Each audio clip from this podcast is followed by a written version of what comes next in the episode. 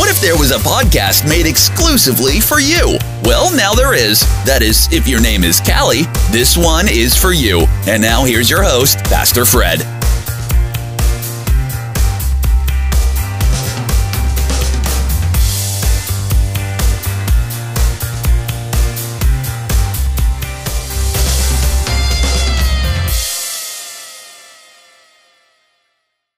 Alfred DaCosta, your host of the L4H podcast. What are you living for today? Callie, I could not help myself after seeing that journal entry. I had to read it out loud. So stay tuned.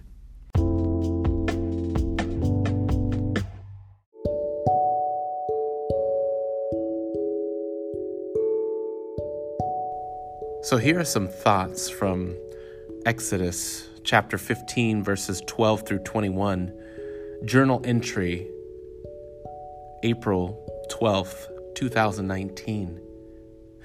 Being bought from slavery and given freedom means to me the ultimate example of God's love. He loves us so much that He wants to save us from the slavery of sin and He gave us freedom. He didn't save us to force us to follow Him, but He gave us a choice. He wants us to follow Him out of our own free will and desire and love for Him, not by forcing us or out of fear. I feel that shows just how much He loves us and cares for us.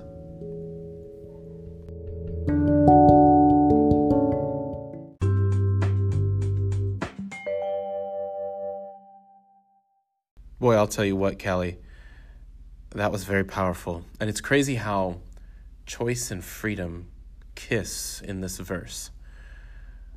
They go together and could never be separated. And from a parent's perspective, true love always allows choice. Freedom plus choice equals love. I'm blessed by this journal entry. And to be honest, I hope you're compelled to share often.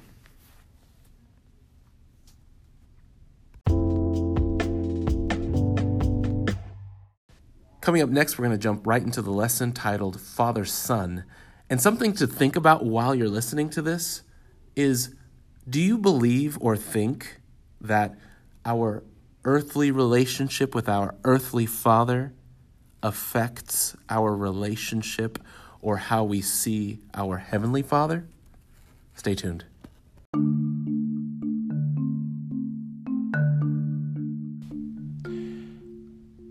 Satan hates God. And since God loves you, Satan hates you too. And one way he hurts God is by hurting you. Another way is to tell you that God doesn't love you. Satan is the one who says God isn't interested in you or that he's angry at you. He wants to get you.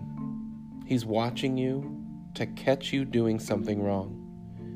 He's a severe judge, a harsh creditor, and a vindictive tyrant.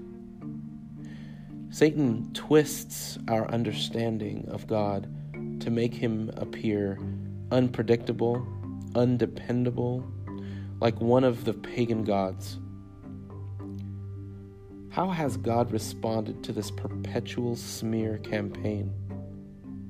Well, Instead of getting into a shouting match or name calling, he did something completely radical. He came to earth in the form of Jesus Christ and lived among those he created. The Bible describes this as a father son relationship, but that doesn't mean God fathered Jesus in the same way that men father children. The Bible uses the term father and son because people can understand the closeness of an ideal father son relationship. In the words of Jesus, the Father has given me all these things to do and say. This is a unique father son operation coming out of father and son intimacies and knowledge. No one knows the Son the way the Father does, nor the Father the way the Son does. But I'm not keeping it to myself. I'm ready to go over it line by line with anyone willing to listen. But even though people can understand the words, that doesn't mean they get it. Jesus told his own disciples, If you had known who I am, then you would have known who my Father is. The disciple Philip responded, Lord, show us the Father, and we will be satisfied. Jesus must have been frustrated that misunderstandings, dull minds, and lack of faith seemed to cloud his revealing of God. He replied to Philip, Don't you even yet know who I am, even after all the time I've been with you? Anyone who has seen me has seen the Father. So why are you asking to see him? Don't you believe that I am the Father and the Father is in me? The words I say are not my own, but my Father who lives in me does his work through me. Just believe that I am in the Father and the Father is in me. Or at least believe because of what you have seen me do. Jesus' unique revelation of God's love might go over some people's heads. We might even misunderstand the metaphor of the father son relationship because it's so much better than what we experience. And while Jesus Christ was clothed in human form, we still see his divine traits. Jesus is God, not simply someone made in the image of God, as the rest of us are.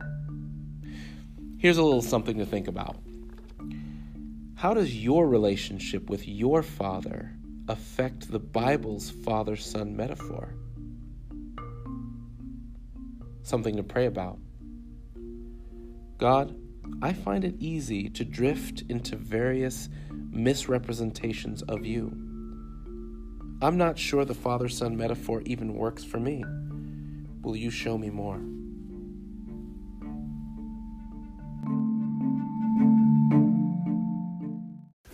Well, if you made it through, Callie, I'm glad you listened in. Just want to remind you that we are free, just like your journal entry mentioned, and it is hump day. We are halfway through, and I'll be praying for you, for Christopher, your family, yourself, and we're almost there. Talk to you later.